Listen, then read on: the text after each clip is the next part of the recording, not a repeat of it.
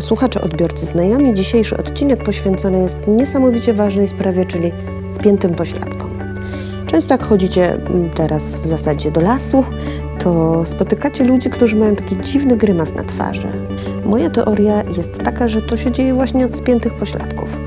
Całe życie spinają te pośladki i to się tak charakterystycznie odciska na ich twarzach. Męczą się od niemowlęcia. Czy kubka była dobra? Czy z dzisio dobrze zjadł? Czy narysowany potwór jest najpotworniejszy? Czy w piłkę gra jak trzeba? Czy na zebraniu został pochwalony? I tak przez całe dzieciństwo z dzisio spinał te pośladeczki i uczył się przepisów na to, jak odnieść sukces. A potem się okazało, że świat niestety jest niesprawiedliwy. I z dzisio zamiast zostać lekarzem, został weterynarzem. I spinał dalej te pośladki, bo zwierzaki też go oceniały, czy na pewno jest we wszystkim doskonały.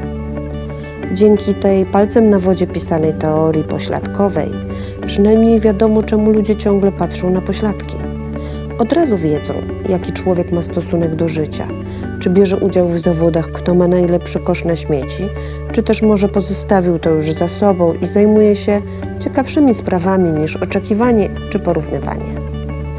No i ja się pytam, a w zasadzie to Was pytam, po cholerkę samemu sobie takie ciśnienie robić?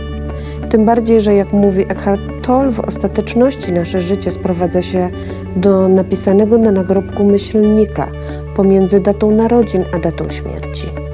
A wagę przywiązujemy nadmierną prawie do wszystkiego. Jakby to, co robimy, było co najmniej odkryciem szczepionki przeciwko wiadomo jakiemu wirusowi. Oczywiście łatwiej powiedzieć niż zrobić, w sensie rozluźnić pośladki.